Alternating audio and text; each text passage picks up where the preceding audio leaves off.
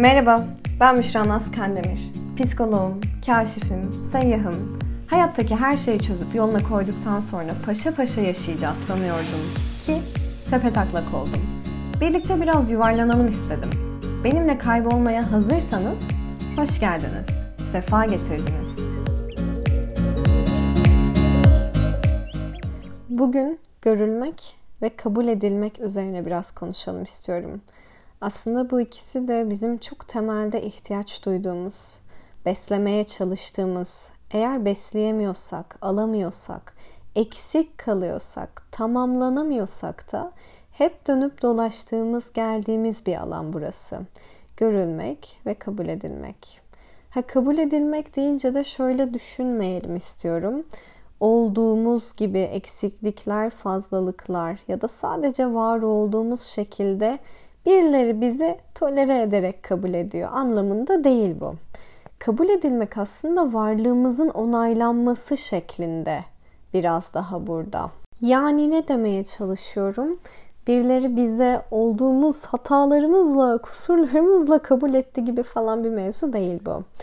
Varlığım, benim olduğum, alan kapladığım, bir şekilde bulunduğum hallerin toplamı olarak ben nasılım? Bunu kabul etmek, bunu görmek, bunu onaylamak ve buna alan açmak. Hepimiz açız bu konuya, dürüst olmak gerekirse. En azından ben öyle düşünüyorum. Peki ya neden? Eğer bisiklet kullanmayı yeni öğreniyorsanız ya da hali hazırda biliyorsanız yeni öğrendiğiniz zamanları hatırlayın. Korktuğumuz bir şey vardır. Korktuğumuz şey düşmektir çoğu zamanlıkla. Ama düşmenin kendisi de değil. Düşüp yara almak ve canımızın acımasıdır. Ama biz öğrendiğimiz, bize eşlik eden her kimle yapıyorsak, tek başımızaysak da kendimize karşı olan o güven duygumuzu derinden deneyimliyorsak eğer, canımızın acıması o kadar da korkunç bir hal almaz. Çünkü canım acıyınca bana kim sevgi gösterecek, kim pansuman yapacak, kim beni yerden kaldırıp pış pışlayacak biliyorum. Bildiğim şeye de güveniyorum. Eğer düşersem beni kaldıracak birileri var. Tutacak birileri var ve eğer ağlarsam benimle beraber duracak birileri var. Bu mutlaka bir başkası olmak zorunda da değil dediğim gibi. Eğer kendim düştüm ve kimse yoksa kendimle beraber kalabiliyorsam, kendimi tutmaya karşı bir güven duyabiliyorsam işte o zaman da bisiklet kullanırken düşmekten eskisi kadar korkmam. Peki tamam iyi güzel düşmekten korkmuyoruz da biz neden hala kullanamıyoruz bu bisikleti? Çünkü bu sefer de farklı kaygılar giriyor işin içine. Ne olabilir mesela bu kaygılar? Hiç öğrenememek, belki yeterince istediğimiz gibi sürememek, o havalı hareketleri yapamamak. Şimdi bisiklet sürmeyi kullanmak deyince mutlaka iki tekerlekle gelmesin aklınıza. Hangisini öğreneceksek o yani üç teker, dört teker fark etmiyor. Ama düşünün bir insan neden korkar bir işi yapmaktan, bir eyleme geçmekten? Çoğunlukla bunun cevabında o işi yapamamak, yetersiz olmak, yetememek, sahip olduğumuz kabiliyetin, gücün, bilginin elimizde var olan bu özelliklerin bir şeye yetmeme hali işte burası bizi böyle köşeye sıkıştırıp dünyamıza alt üst eden noktalardan bir tanesi. Yani en azından sıklıkla konuştuğum, sohbet ettiğim ve araştırma yaptığım, bol bol bunlara yer verdiğim bu süreçte ben en çok beraber deneyimlediğimiz duygulardan bir tanesinin bu olduğunu gördüm. Yetememek, yetersizlik duygusu yetersizliklerimizi görebilmek belki de e, kendimizle alakalı yapabileceğimiz en zorlayıcı alanlardan bir tanesi. Çünkü işin ucunda varlığımızın onaylanmaması var ve bu riske giriyor. Eğer biri beni görürse ve gördüğü halimde yetersizliklerle karşılaşırsa veya o gördüğü halimi onaylamazsa ya istenmezsem orada ya sevilmezsem ya yetemediğim yerler karşımdaki kişi için bir problem haline gelirse işte tüm bunlar ard arda geldiğinde korkular da biraz büyümeye başlıyor sanki. Nasıl basit bir örnek verebiliriz? Belki hepimiz çocukluk yıllarını hatırlayabiliriz. Şöyle bir ilkokula gittiğimiz, ödevler yaptığımız, projeler peşinde koştuğumuz ya da işte matematikten, Türkçeden notlar aldığımız. Oradaki e, not kaygısı tam olarak ilkokulda da böyle gelecek kaygısıyla bağdaşmıyor ya. Çünkü daha belki 7-8 yaşındayız, 10 yaşındayız ve teneffüste e, yeterince top oynayabilecek miyiz? Sınıfta yakar topu oynarken hangimiz ortada olacak gibi kaygılar daha çok mevcut. Ama buna rağmen ilkokulda da bir öğretmenin, belki bir ebeveynin takdirini almak inanılmaz önemlidir. Olay gelecekle falan alakalı değil. Ama orada bana bakım veren biri var. Bu bir öğretmen bazen, bu e, ebeveyn evdeki düzende bazen ama bakım veren biri var. Ve o bakım veren birinin bakabileceği, görebileceği, beni değerlendirebileceği testler var önde. Test dediğime bakmayın işte bunun adı sınav olur, proje olur, başka bir şey olur.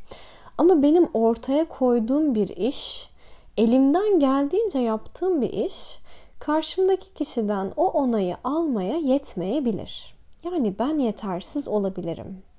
Ve eğer yetersiz olursam, tutun ki bir proje verdi matematikten işte hocanız e, vermiştir mutlaka fenden, matematikten bir şeyden olmuştur. Aklınıza gelen anımsadığınız anılar vardır bu konuda belki de.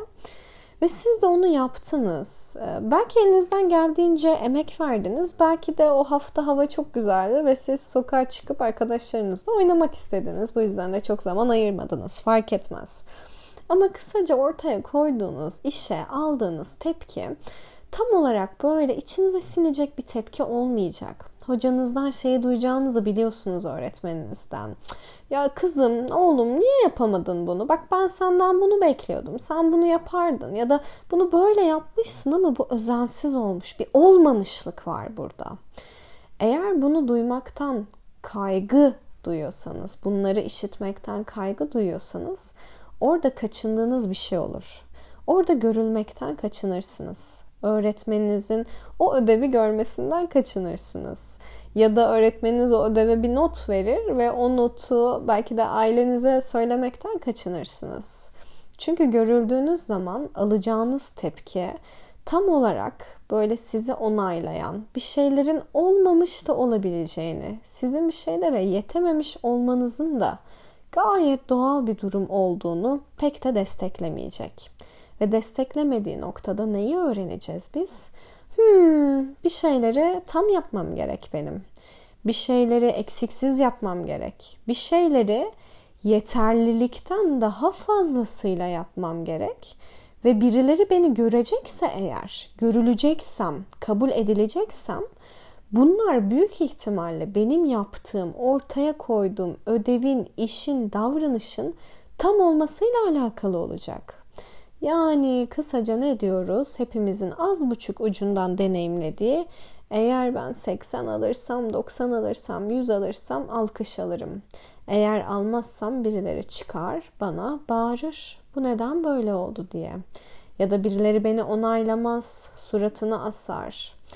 Günüm güzel geçtiğinde ya da iyi bir not getirdiğimde, karnemde bir tebrik, teşekkür bir şey olduğunda annem bana en güzel yemekleri yapıyorken eğer yapmazsam, bunları getirmezsem eve geldiğimde ya da okulda da öğretmenimden o özel ilgiyi, sevgiyi göremem ve beni gördüğü halle beraber çok da memnun olmam. Hiçbirimiz istemeyiz ki dışlanmayı.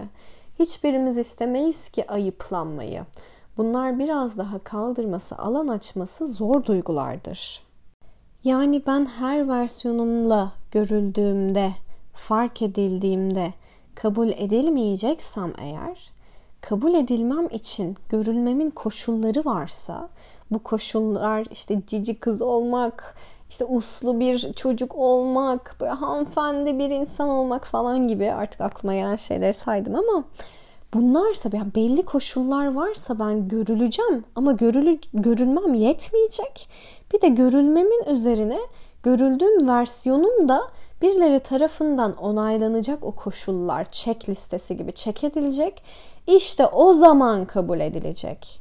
Eğer benim zihnimde böyle bir yapı oluştuysa ben tabii ki de her halimle, bulunduğum her versiyonumla dürüstçe, açıkça kendi halimde var olamam ki. Yani kendimi gerçekleştiremem. Otantik öz halim her ne ise onu ortaya koymak yerine onu daha çok saklarım. Bir köşeye atarım, cebime atarım, üstüne bir maske takarım ve kendi versiyonumu göstermek yerine hangi gösterdiğim versiyonda %100 onaylanacaksam eğer ben o versiyonu göstermeye devam ederim. Çünkü belirli koşullar var benim vardığımın kabul edilmesi için. Ve eğer bu koşulları karşılamıyorsam, karşılamadığımda aldığım tepkiler şu ana kadar pek de e, beni sıvazlayan, e, bana şefkatli hissettiren şeyler olmamış. İşte bu yüzden kaçarız biz görülmekten bazen. Bu yüzden kendimizi göstermekten kaçarız ve işte bu yüzden biz yetersiz olmaktan kaçarız. Eğer yeterince iyi değilsek, yeterince başarılı değilsek, yeterince yaşımız her neyi getiriyorsa toplumun gözünde ona uygun bir hayat yaşamıyorsak, e, yeterince mutlu değilsek yaşadığımız hayattan ya da yeterince doyum alamıyorsak ilişkilerimizden işte o zaman biz bir şeylerden kaçmaya başlarız.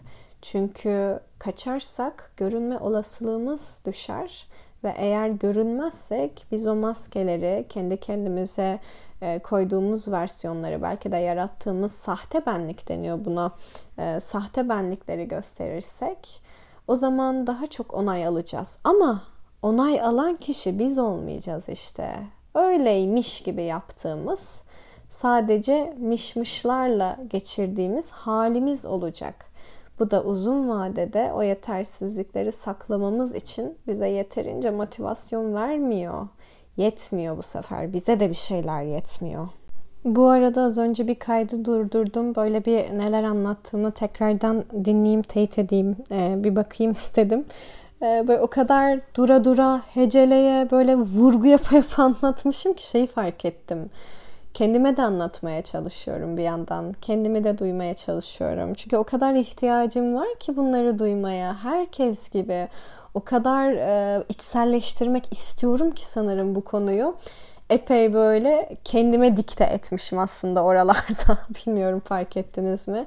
Şöyle ufak bir parantez açmak istedim var olduğumuz otantik halle var olmazsak eğer e, yetersizliklerimizi saklarsak ve mış gibi yaparak sadece e, olmak istediğimiz ya da onaylanacağından emin olduğumuz versiyonu taklit edersek evet tabii ki de görülür ve onay alırız ama yetmez dedik değil mi? Yetmez çünkü onay alan kişi biz değiliz ki öz halimiz değil. Sadece mış gibi yaptığımız bir versiyonumuz. İşte bu yüzden bizi doyurmaz deneyimlerimiz, ilişkilerimiz, buralardan e, belki zevk alamamaya, anlaşılamamaya, artık buralarda da yalnız hissetmeye başlarız ve yine bir kapana kısılmış oluruz. O yüzden yetersizliklerle ilgili sizle bırakmak istediğim bir şey var ki o da yetersizsiniz tabii ki yetemezsiniz. Ve kendimle de bırakmak istediğim bir şey var ki yetemiyorum ya. Yani tabii ki her şeye yetemiyorum. Her zaman yeterince iyi bir öğrenci, her zaman yeterince iyi bir aşçı, her zaman yeterince iyi bir psikolog, her zaman yeterince iyi bir terapist olamam, yetemem ben her alanda. Ve e, yetersizlik hissiyle alakalı olarak bazen şeyleri çok duyuyorum. Yani ne yapacağız bu hisle? Bu duyguyla nasıl başa çıkacağız gibi sorular.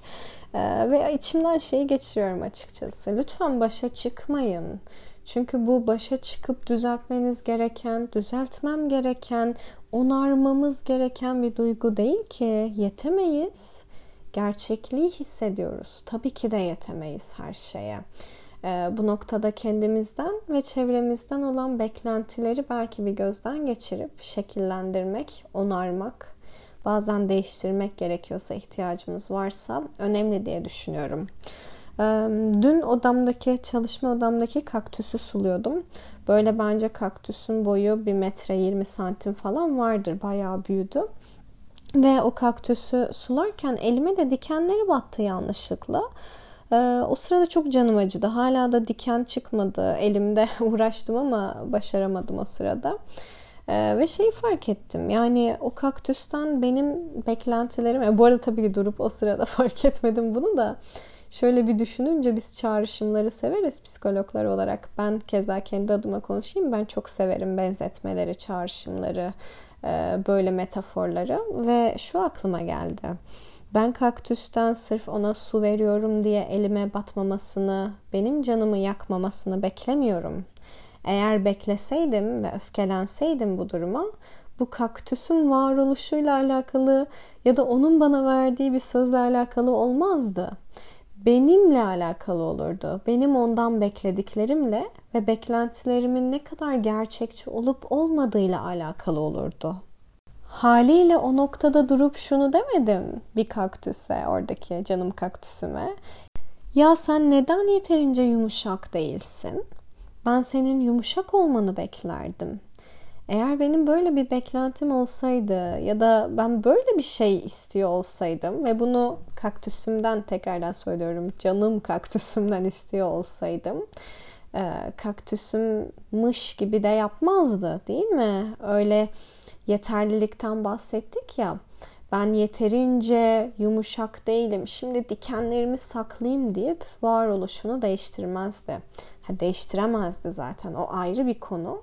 Ama her zaman söylüyorum. Doğa bence referans alabileceğimiz en güzel kaynaklardan bir tanesi. Yani yeterliliklerde de böyle. Bir kaktüs yeterince yumuşak ya da soft değil. Bu konuda çok yetersiz. Ama bu konuda yetersiz olması onun o otantik halinin değersiz olduğu anlamına gelmiyor. Haliyle yetebildiğim konular olduğu kadar bu hayatta yetemeyeceğim tonla şey mevcut. Ama ben bunlara yetemiyorum diye zaten daha değersiz bir hal almıyorum. Böyle bir denklem oluşmuyor. Ha en başına bu e, zincirin en başına bakacak olursak zaten neden her şeye yetmeyi bekliyoruz ki? O sorumluluğu neden kendimize ya da bir başkasına yükleyelim? Bu sadece kendimizle olan bir şey de değil. İlişkilerinizi de düşünün. Mesela sevgilinizden neler bekliyorsunuz? Ondan nasıl bir beklentiniz, nelere yetsin ya da nelere yetemediğinde öfkeleniyorsunuz. Bir buralara bakın. Annenizden, babanızdan, öğretmeninizden, arkadaşınızdan, her kim varsa çevrenizden neler bekliyorsunuz? Onların nelere yetmesini bekliyorsunuz. Ve belki bazen tabii ki her insan gibi öfkeleniyorsunuz, öfkeleniyoruz. Bir şeyi yapamadığında çok kıymet verdiğimiz bir insan, bir şeyler eksik kaldığında, olmadığında istediğimiz gibi devam etmediğinde. Ama tekrardan hatırlayalım. Zaten kimse belki de en başında oldurmakla mesul değil. Zaten kimse her şeye yetebilecek bir kabiliyette ya da öyle bir kapasitede değil. Hepimizin alanı her şeye yetmez. Yetersiz olmak güzeldir. Bir şeylere yetememek güzeldir. Ee, eğer ben bir şeye yetemiyorsam o yetemediğim alanı bir başkasına teslim edebilirim belki de. Bir başkasından destek isteyebilirim ve bu güzeldir. O yüzden e, nasıl bir kaktüse sen neden yeterince pürüzsüz değilsin demiyorsak kendimize de bazı şeylerde neden yetemediğimize dair hesap sormayalım olur mu? Ee, istediğim şey bu. Kendinizden ya da bir başkasından hesap sormak yerine belki de oradaki beklentilerinize bakmak e, ve görülmekten kaçmamak, otantik halimizle buluşmak. Ben bunları niyet haline getirdim. Bu podcast'te size anlatırken kendime de anlattım ve o kadar iyi geldi ki umuyorum ki sizin de hikayenizin bir parçasına böyle ufak bir ses olmuştur. Önümüzdeki bölümlerde görüşmek üzere. Kocaman sarılıyorum. Çok özlemişim burayı.